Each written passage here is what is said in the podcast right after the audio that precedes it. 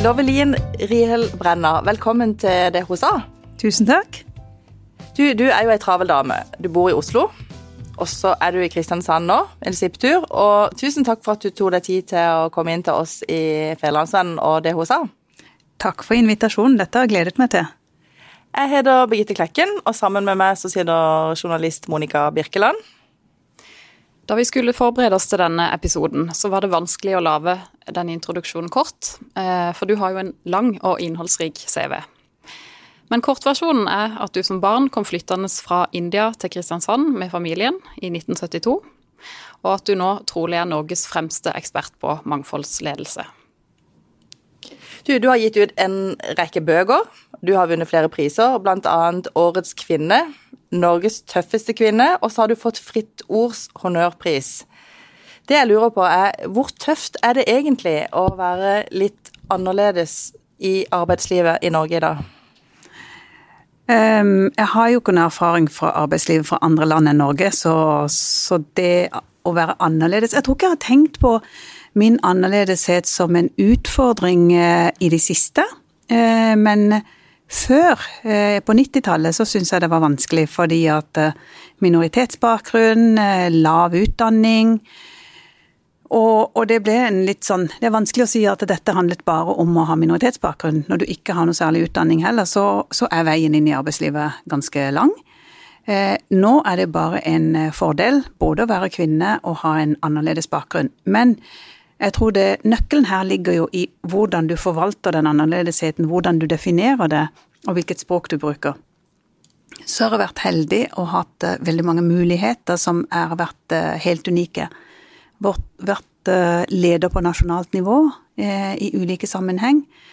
Så, så den annerledesheten fra å være en minoritetskvinne, en person med Eh, lav utdanning til å få seg jobb, få en eh, mastergrad og ha en erfaring fra nasjonale stillinger, har jo gjort at den annerledesheten har blitt en annerledes annerledeshet, hvor du blir oppfatta som en ressurs, og det er ingen som tenker på deg som minoritet, men er mer opptatt av det man har utrettet. Så, så det er mange måter å være annerledes på. Så jeg tror ikke det bare handler om å være tøff, men det, ha det tøft, men det handler også om muligheter den annerledesheten gir. Du, i dag driver du en, eller din egen bedrift, om vi kan kalle det det, som heter Sima. Mm -hmm. eh, vil du fortelle og forklare litt om hvordan dere jobber, og om den metoden som du har utvikla? Mm. Ja, Sima er jo Senter for mangfoldsledelse, så vi jobber kun med lederutvikling innenfor mangfold og likestilling. Eh, hvordan rekruttere og lede mangfold, slik at det gir resultater på bunn- og topplinja så er verdiskapingen, innovasjonskraften, eh, konkurransefortrinnet eh, gjennom god mangfoldsledelse. Metoden den er enkel. Det er eh, å sette individet i sentrum. Hvordan se potensialet hos den enkelte. Hvordan se hele mennesket. Vi er ikke for å skille likestilling og mangfold.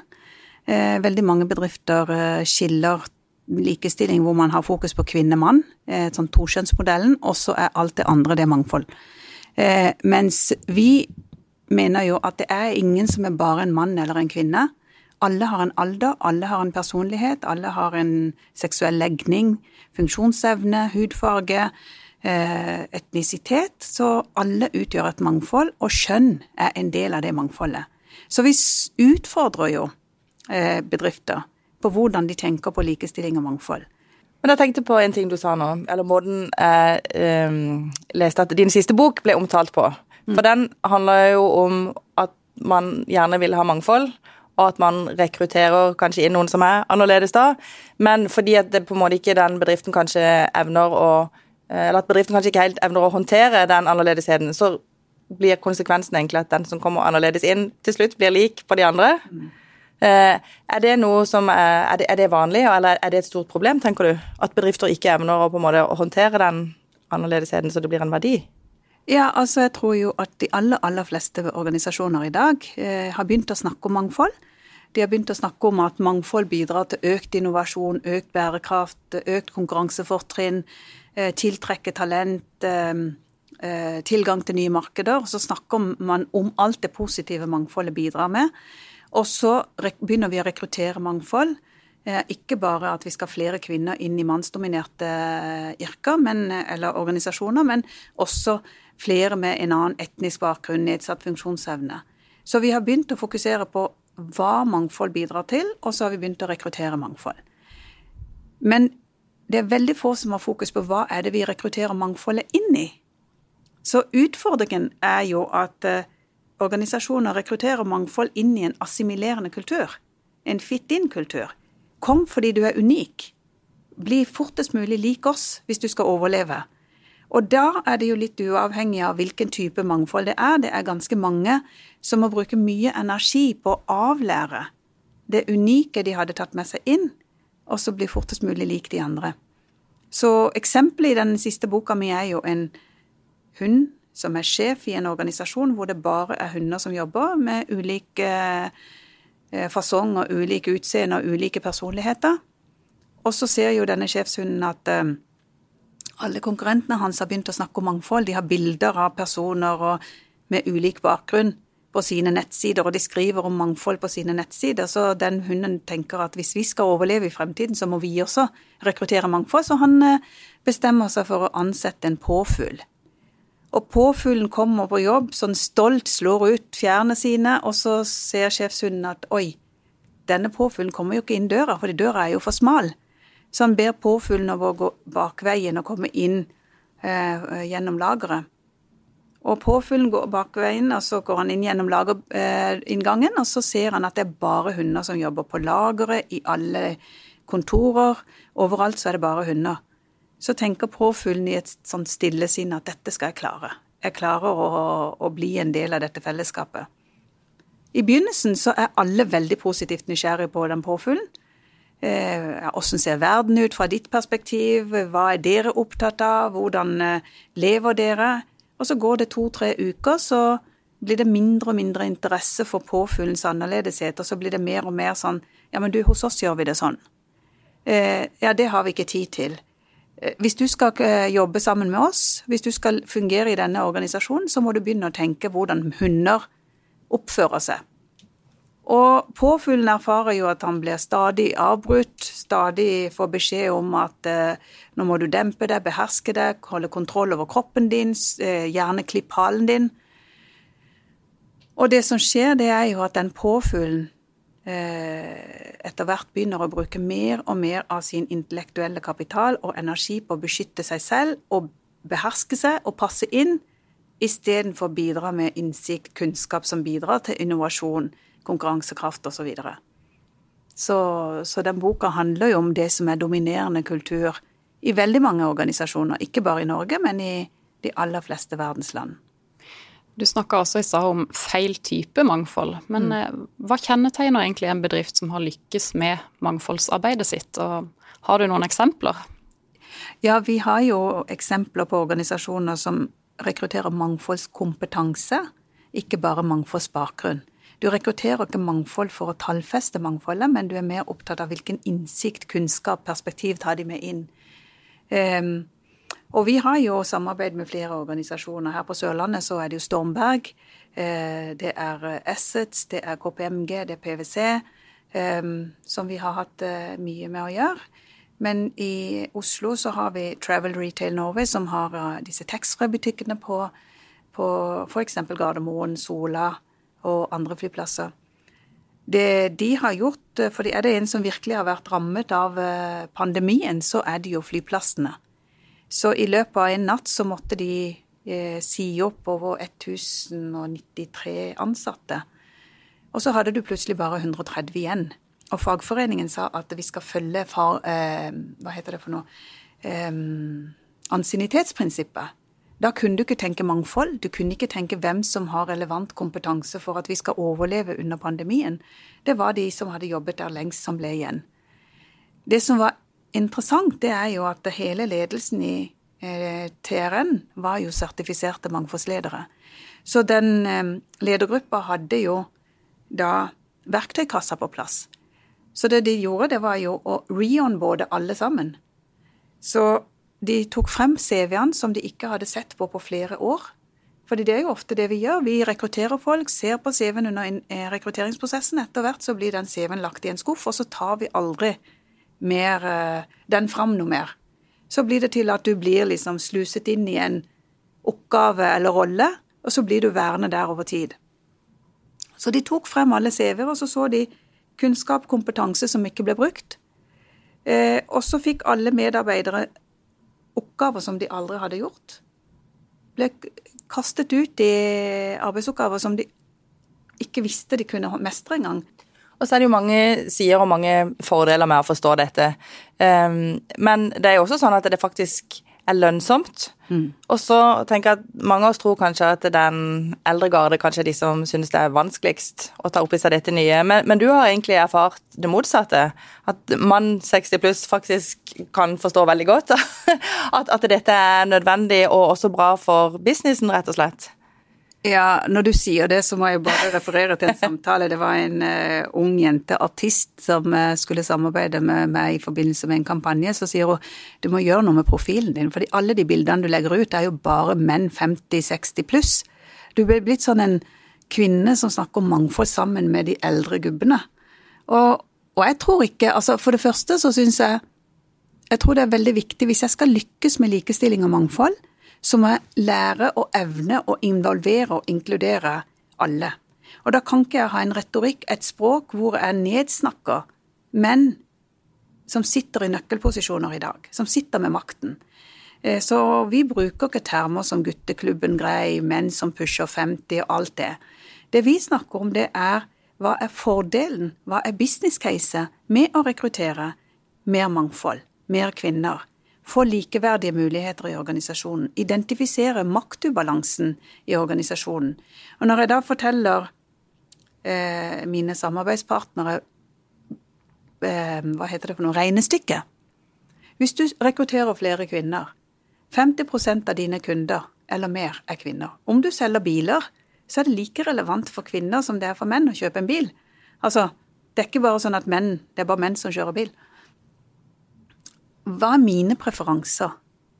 Hvis jeg hadde vært ansatt i din eh, bedrift, nå trenger det ikke bare være bil, bilbransjen, det kan være hvilken som helst, men hvis jeg hadde vært ansatt i din bedrift, og du kan få tilgang til hvordan tenker en kvinne i min alder, eh, hvordan kan jeg hente den innsikten, hvilket nettverk har jeg, hvor kan jeg gjøre, hente innsikt, eh, hva er mine preferanser, hva er eh, jeg som har en annen hudfarge, hva, hva hører jeg av undertone, hva hører jeg av språk, som kan være ekskluderende, som kan være diskriminerende, både for sett ut ifra et kjønn, kjønnsperspektiv og kvinneperspektiv, eller eh, minoritetsperspektiv. Er det sånn at det er noen eh, bransjer som, som, på en måte henger litt etter, og som er litt vanskeligere å få altså Da du skulle ønske at du bare kunne liksom eh, gire opp tempoet litt? Ja, vi vet jo at det er eh, lang vei å gå i forhold til enkelte bransjer, f.eks. bygg- og anleggsbransjen, finans. Eh, men hvis du tenker på mangfoldsledelse, sånn som vi jobber, med å se hele mennesker, ikke dele mangfold og likestilling i to ulike bolker, så vil vi jo si at eh, alle bransjer har lang vei å gå. Ja. Ikke sant? Ja. Så, så jeg tror at det som er interessant, det er jo at de aller fleste har begynt å skjønne at vi må ha en systematisk tilnærming. Vi kan ikke synse. Og, og, det er ikke godt nok å gjøre sånn tiltaksshopping, at vi bare kjøper noen tiltak, og så kan vi sjekke vi, dette har vi gjort, dette har vi gjort. Eller vise på bildet at det her er det mange forskjellige ja. mennesker som jobber. Så, så, det aller viktigste, hvis jeg forstår det, det er å ha en systematisk tilnærming og ha denne verktøykassa, så man vet hvordan man skal håndtere det og bruke det i praksis. Ja, eller at du også trenger trygge ledere, uavhengig om det er mann eller kvinne. Trygge ledere som klarer å ha et språk som adresserer det mangfoldet. Mm. At du vet hva mangfold er, du tør å snakke om eh, det komplekse i mangfoldsbildet. For det jeg hører, det er jo Bare for å bruke et lite eksempel, da. På scenen så står ledere, enkelte ledere og sier mangfold bidrar til økt innovasjon, økt bærekraft, økt konkurransefortrinn, tiltrekke talent, eh, tilgang til nye markeder. Og så sier de da hos oss har vi 30% kvinner og 15 forskjellige nasjonaliteter. Men i neste åndedrag så sier de men hos oss behandler vi alle likt. Jeg tenker ikke på om det er mann eller kvinne, om det kommer fra India, Polen eller Kina eller USA. Jeg behandler alle likt. Jeg er fargeblind, og jeg er kjønnsblind. Og da blir det jo helt naturlig for meg å spørre hva er hensikten med å tallfeste mangfoldet hvis ikke du ser det? Ikke sant? Og hvis du er fargeblind og kjønnsblind, så kan det godt være at jeg jobber i en organisasjon med en leder som verken ser at jeg har noen andre utfordringer enn mennene i min organisasjon, hvis det er dominantgruppa. Og jeg har også andre utfordringer nettopp fordi i tillegg til å være kvinne, så har jeg en annen hudfarge. Så da bruker jeg jo veldig mye energi på å beskytte meg selv og, og møte en leder som ikke ser mine utfordringer. Og når du ikke ser noe, for det blir du tabu, utrygt, usikkert, så kan du heller ikke skape en inkluderende organisasjonskultur hvor jeg kan være autentisk. Men som leder, da, hvordan bør du snakke til de forskjellige medarbeiderne dine, som åpenbart er helt ulike og representerer ulikhet? Hvordan bør du gjøre det for at det skal være bra? Du sa respekt var viktig, men, men hva bør man si? Ja, så jeg tenker jo Som leder så må du vite for det første at du utgjør et mangfold. Du har mange lag av erfaringer, innsikt, kunnskap, perspektiv som gjør at du er et mangfold. Så mangfold handler ikke om de andre, det handler om deg, først og fremst. Inkludering handler ikke om de andre, det handler om deg. Den påfuglen jeg snakket om som ble ansatt hos en hund, det kan også være en leder. Som har pålegg og blir vingeklippet av uh, mange forskjellige uh, hva heter det, interesseparter. Så, så det kan være det.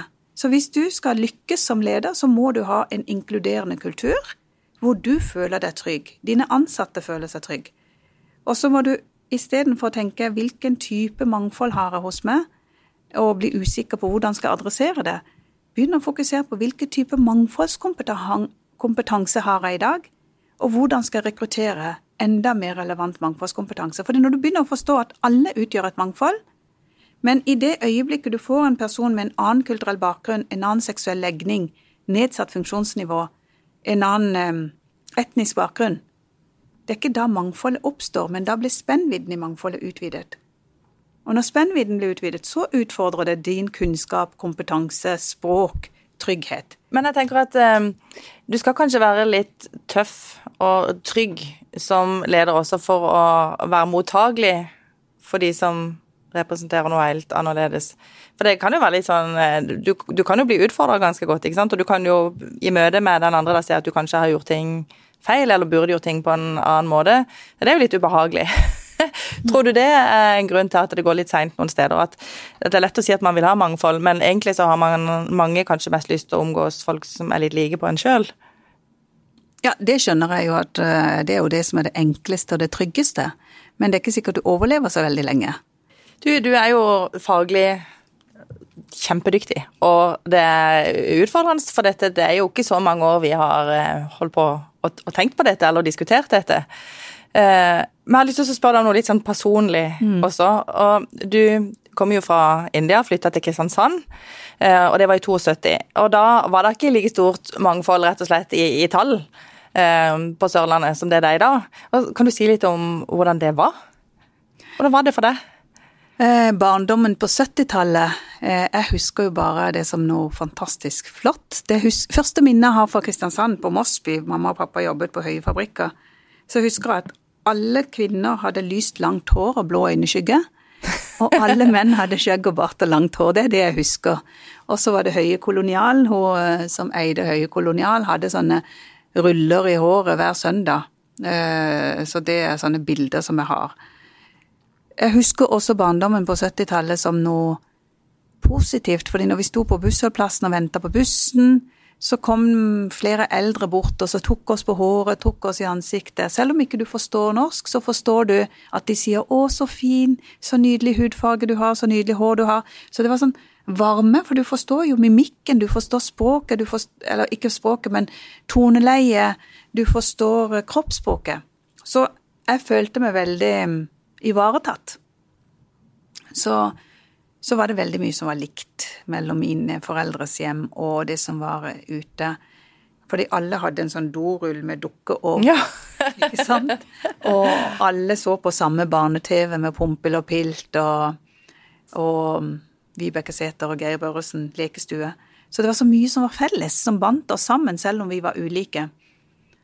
Um, så barndommen på 70-tallet var helt fantastisk. Uh, og så flytta vi til Søm, så kom ungdomsårene, og så ble det mye mer sånn tydeligere skille mellom norsk og indisk kultur, for da ble det plutselig Jeg husker min far sa til meg, jeg har ikke noe imot at du har norske venninner, men du må bare passe på at ingen av de røyker, drikker eller har kjærester. Og da var det jo ingen igjen. Det var ikke noe å velge mellom da? Nei.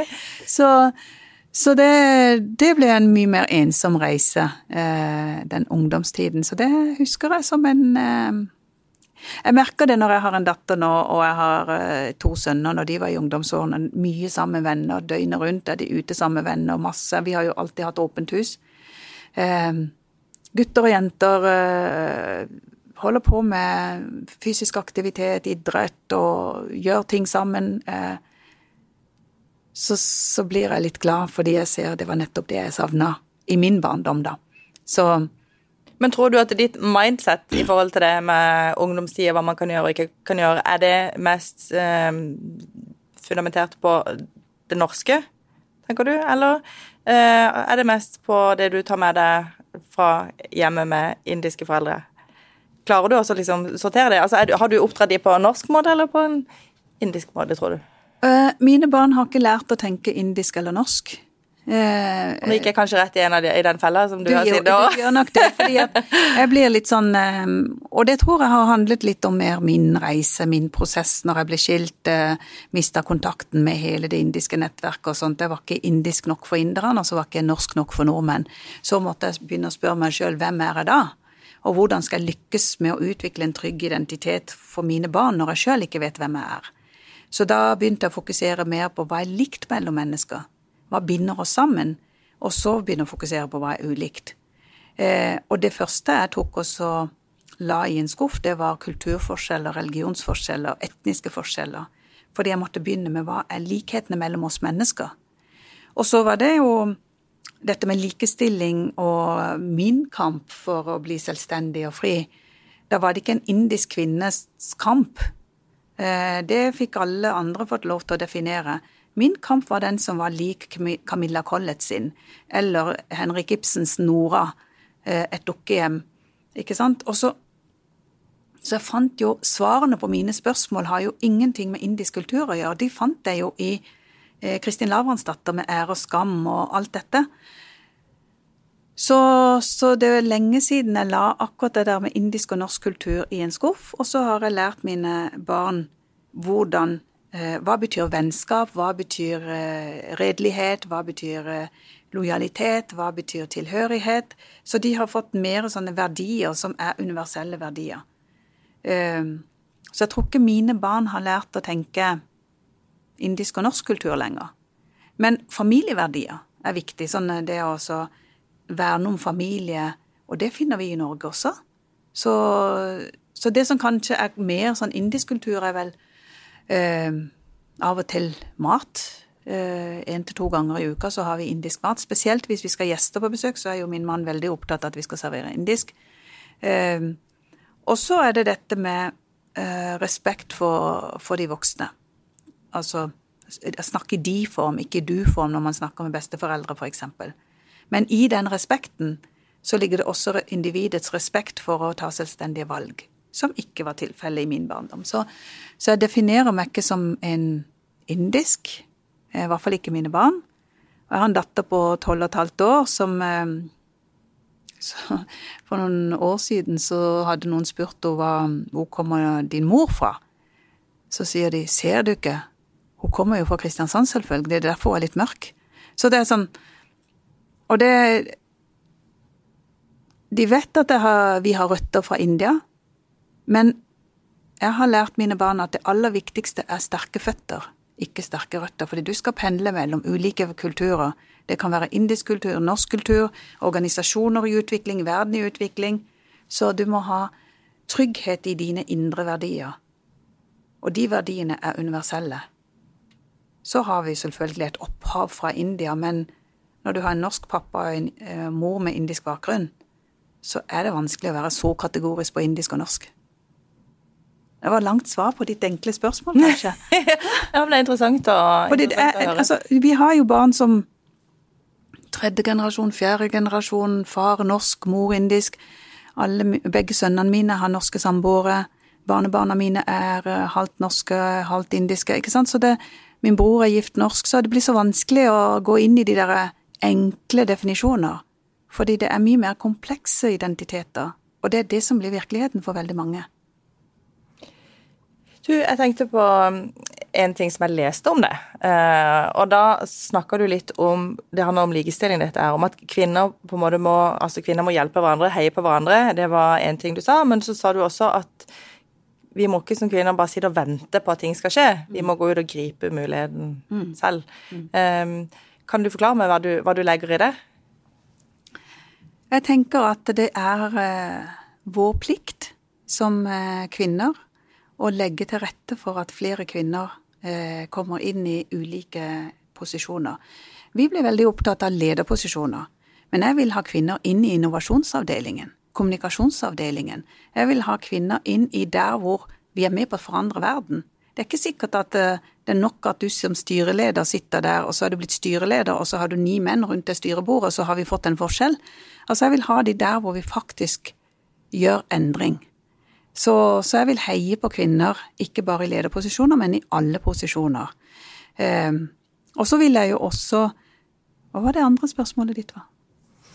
Ja, hva var det andre spørsmålet, tro? Um, det ene var det at kvinner må gripe muligheten selv, og det andre var det at kvinner må heie på kvinner. Ja, Og så må vi gripe mulighetene når de byr seg. Men vi må heller ikke komme inn i den fella og si at det er kvinner som er skyld i at ikke de får lederposisjoner, eller ikke de får de mulighetene. Eh, de må rekke opp hånda osv. Det blir for enkelt. Men du, når jeg ser på, på, din CV og ser alt du har fått til, så får jeg jo en sånn følelse at du er ei dame som lykkes omtrent med, med alt. Du, du, har fått til sabla mye, men er det noen ting du ikke har fått til? Er det noen ganger du har følt at nei, vet du hva, nei, nå kommer jeg rett og slett eh, til kort, eller her skulle jeg gjort noe annerledes? Og det er sikkert masse Ikke sikkert, det er masse. Det er masse som man skulle ha fått til. Men angrer du på noe, da? Uh, det var et godt spørsmål. Um, jeg tror at jeg gikk i en felle, og det ser ut som en fantastisk god CV, solid CV, men jeg tror jeg gikk i en felle etter skilsmissen hvor jeg skulle overbevise verden at jeg lykkes som kvinne. Lykkes som minoritet. Lykkes som mor til to gutter.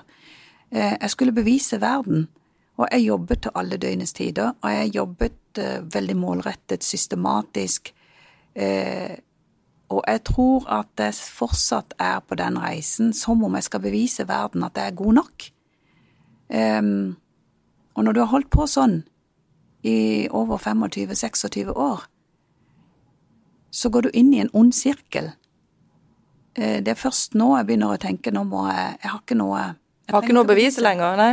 Nei, ikke Jeg tror ikke det. Og jeg, selv om jeg bruker veldig mye tid på mine barn, familie betyr utrolig mye for meg, det er min viktigste pilar, så fortsatt så har jeg den derre Jeg er nok gått inn i en sånn ond sirkel hvor jeg ikke klarer å dempe tempoen. Så først nå har jeg ansatt en daglig leder for to uker siden.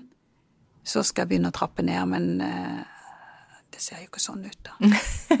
Men jeg angrer jo på at jeg har jobbet veldig, veldig mye.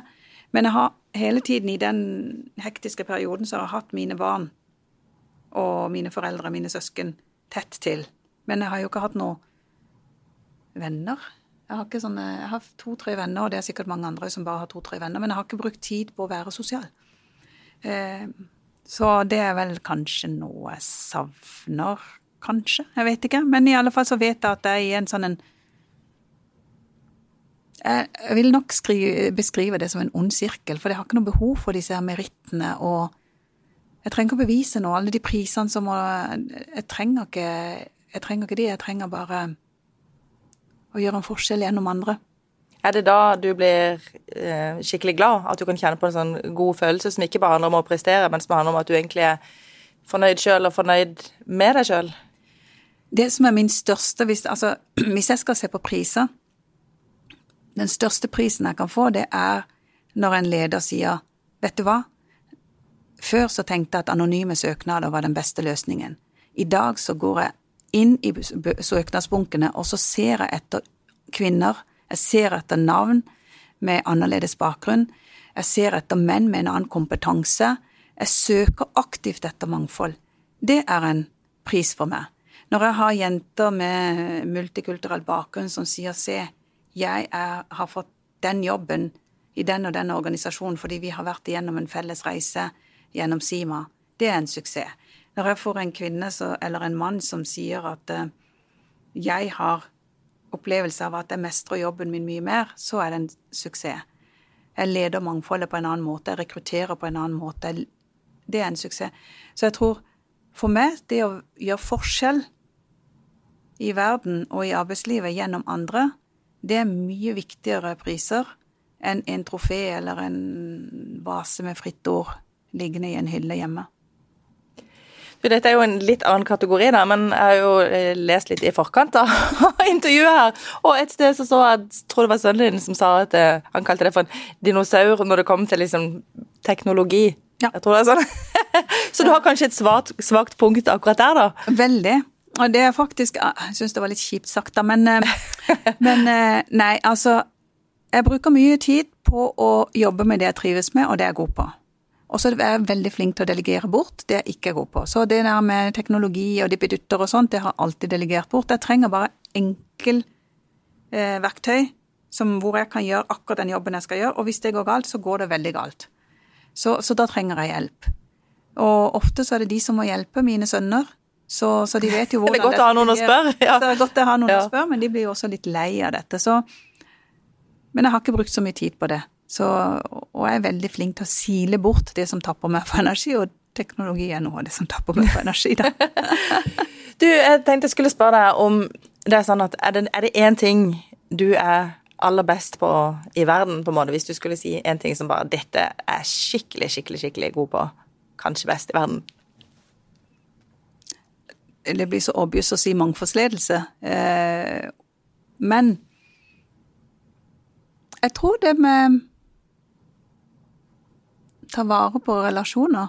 Ja, da de som Både de som er nære, eh, og de som er fjerne. Så, så jeg tror jeg har eh, veldig mange relasjoner. Eh, nasjonalt og internasjonalt. Og holder de ved like. Det var en periode hvor jeg skrev julekort, og nå kommer sikkert eh, både dere og lytterne til å synes at dette er eh, helt hull i huet, men 746 julekort skrevet, håndskrevne, personlig hilsen til eh, samarbeidspartnere. Så det syns jeg er viktig. ja, det er jo Det er imponerende. men, men hvordan jobber du med, med nettverk i dag, egentlig? Ja, for det er jo det, da. Skriver brev til alle? Sånn ja, men jeg skriver ja. veldig mye. Og jeg skriver SMS-er, og jeg, jeg tror at um, Du vet, man har posisjonsvenner, og så har du profesjonsvenner, og så har du venner, og så har du de aller, aller nærmeste. Um, og jeg skiller mellom de, hvordan jeg kommuniserer med de ulike. Og jeg holder de kontakt med de um, Hvordan jeg holder det ved like, det er et litt godt spørsmål, men jeg har kontakt med nesten alle i løpet av et år. Uh, og har eh, SMS-kontakt, WhatsApp-kontakt. Uh, og det høres ut som jeg bruker masse tid. Det gjør jeg heller ikke. Men jeg tenker at det må være en Jo, altså hvis, vi skal tenke sånn politikere, fagpersoner og forskere Det må jo være et eller annet jeg har klart å lykkes med når terskelen for å ta kontakt er veldig lav, uansett hvilken politisk post man sitter i, eller statsråd, eller hvem det nå er, eller forsker. Eh, og når de tar kontakt, så må det også være en mening med det, for at jeg har noe å tilby. Og jeg tror det er nøkkelen, at når du tenker nettverk og relasjonsbygging, for meg så handler 99% om å gi, og 1% om å spørre om noe. Men det er veldig sjelden jeg spør om noe. Det tror jeg er nøkkelen. Jeg må bare bruke et eksempel. Det var um, Dette er mange år siden, og, og Jens Stoltenberg har jo ikke noen sånn nasjonal rolle eh, i sittende regjering nå, men han ringte til meg en gang, eh, og jeg var på vei hjem fra et eller annet flyreise, så løper ut av flyet og ventet egentlig på at min mann skulle ringe meg, så ringer Jens og så sier han hei, det er Jens Stoltenberg. Så sa jeg slutt å tulle nå, er du utafor? og da var det sånn nei, det er faktisk sønnen til Tore Wold, sier han. Uh, oh shit, så, Og da var det sånn da, Det var ikke det at uh, Det var bare at uh, terskelen for å ta kontakt er så lav Eh, jeg tar jo sjelden kontakt den andre veien, men terskelen for å ta kontakt er lav, eh, og, og er alltid på.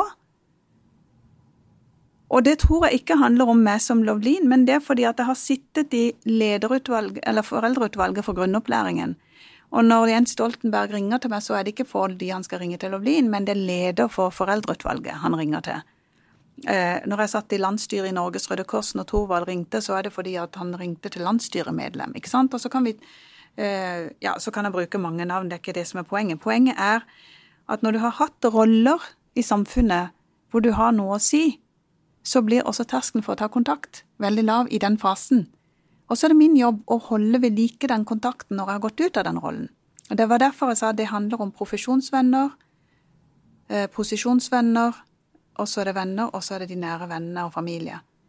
Fordi når jeg går ut av den posisjonen og rollen, så forsvinner de rollene, eh, vennene. Vi slutter jo, altså bare se når det er regjeringsskifte, så slutter vi å ta kontakt med de sittende statsrådene som da går ut. ja, det kan jo endre seg, eller det endrer seg fra den ene dagen til, til den, andre. sant? Ja. Mm. Så det må vi vite at når du har en posisjon, så må du ikke bli så høy på deg sjøl at du glemmer at det er bare snakk om eh, noen få år. Så er det noen andre som overtar den. Så du må oppføre deg fint, og så må du gi. Eh, det er i hvert fall min mantra. Og det tror jeg har jo gjort at eh, man vedlikeholder de kontaktene over tid. Du har lyst til å spørre om et sånn, Det blir jo litt miks av spørsmål her. Noen veldig alvorlige, og noen ja. ikke fullt så alvorlige. Men er det noen ting du, du nerder litt på, som ikke handler om å ikke handler om å bygge nettverk eller å snakke mangfold og inkludering, men som, som er sånn supersært. Er det noe du, har du noen rare, noen rare ting du kobler av fra jobb med? Ja Nerder er jo ja. Noe du, du fordyper deg i detaljer på?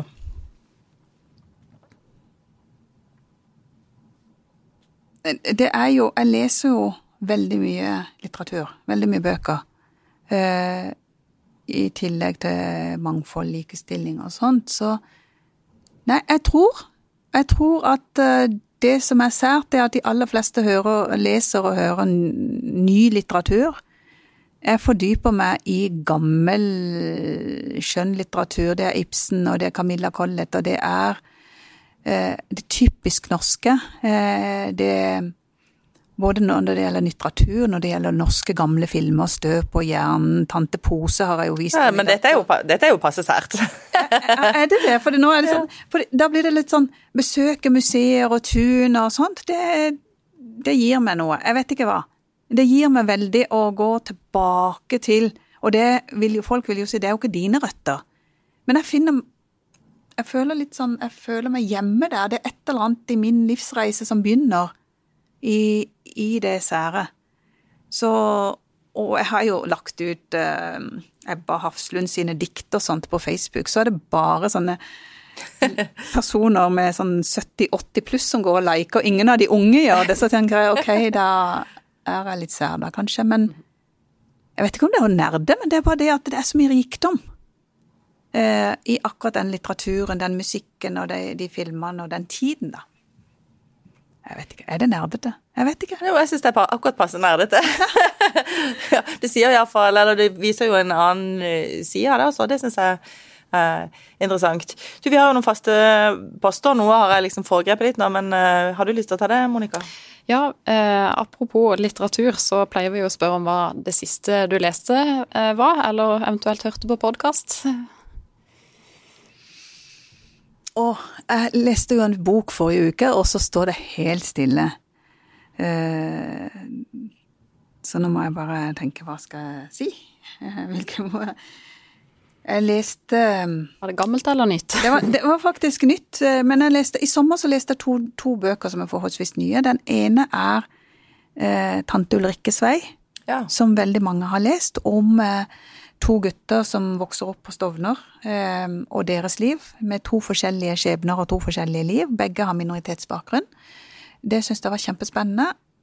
Å være minoritet i et samfunn. Og når jeg var ferdig med den boka, så leste jeg en ny bok som het um, Hillbillienes klagesang, om en annen minor eller minoritet, eller en gruppe mennesker i USA som lever også under fattigdomsgrensa og ganske utfordrende kår. Eh, for meg var det to bøker som eh, tok meg på to forskjellige reiser med mange paralleller, også mange ulikheter. eh, om det å være la, lavt nede på eh, samfunnsstigen. Og da ga det meg en ny innsikt i eh, makt og privilegier. Det ikke alltid handler om etnisitet, men eh, kanskje det som var ny innsikt, var jo mer hillbillienes perspektiv, da. Har du et yrke som du aldri kunne ha hatt? Jeg har jo Ja. Oljeplattform langt vekke fra familie tre uker av gangen eller to uker av gangen eh, i hardt vær. Eh, jeg vet ikke om det er det det handler om, det det, det det ser ut som, da. Det tror jeg ikke jeg kunne ha klart. Eh, siste spørsmål er har du et godt, en god life hack, eller et godt råd? Ja. Ikke bruk energi på, energi på folk som tapper deg for energi. Eh, det er mange flere i verden som kan gi deg energi og gi deg påfyll. Så, så jeg tror at eh, for å kunne fokusere på det som betyr mest for deg, så må du passe på at ikke du lar andre bygge rede i ditt sinn og dine tanker, og dermed fyller dine tanker med negativitet. Det er et godt råd. Du, alle gjestene våre de får muligheten til å gi en fremsnakk. Eh, er det en kvinne du har lyst til å fremsnakke? Ja, Eller flere? ja det er flere, flere, men jeg skal Jeg har lyst til å Det er jo egentlig eh, Jeg ville ha sagt Camilla Collett. Eh, hun er jo ikke blant oss, men hun har vært en veldig, veldig viktig veileder for meg. Eh, og betyr mye for meg den dag i dag. Så, så du sa jo ingenting om at dette måtte være kvinner som er eh, i live nå. Men Camilla Collett vil jeg nevne uansett. Den andre kvinnen jeg har lyst til å nevne, det er eh, en eh, venninne av meg som heter Aina Lian Flem, eh, professor ved NTNO. Hun har stått ved min side i tykt og tynt i alle år. Jeg traff henne i 1995. Eh, det er hun som har lært meg å tenke likheter mellom mennesker. Jeg husker når jeg var eh, nyskilt, så, så sa jeg til Aina at jeg syns det er så forferdelig at jeg er blitt utstøtt. Ingen eh, Altså, det er jo eh, ingen som forstår meg, ingen som har kontakt med meg.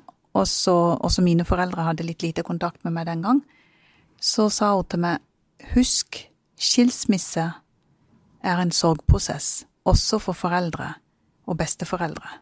Gi folk tid, så kommer de tilbake. Og du må ikke tro at nordmenn som skiller seg, ikke går igjennom en sorgprosess. Så det er likt. Så må du gi det tid. Og det andre hun sa til meg, det var selvmedlidenhet er gift. Har du tenkt å gå under, så kan du fortsette å synes synd på deg sjøl, og fortsette å marinere din elendighet. Hvis ikke, så setter du deg bak rattet og tar grep. Og det har betydd mye for meg, og det betyr mye for meg den dag i dag. Så Aina Lian Flem og vil være én kvinne jeg har lyst til å fremsnakke. Så tror jeg nok at der hvor jeg står i dag, det ville jeg aldri ha gjort hvis ikke det hadde vært tusenvis av kvinner som har heiet på meg, og heier på meg fortsatt. Og også tusenvis av menn. Lovelin, tusen takk for at du ville komme til Fedrelandsvennen og det hun sa. Takk for meg. Du har lytta til Fedrelandsvennens podkast 'Det hun sa' med Birgitte Klekken. Har du tips til andre bra damer vi bør snakke med, eller har du lyst til å dele inspirerende erfaringer fra ditt arbeidsliv? Ta kontakt på dethosa1fun.no.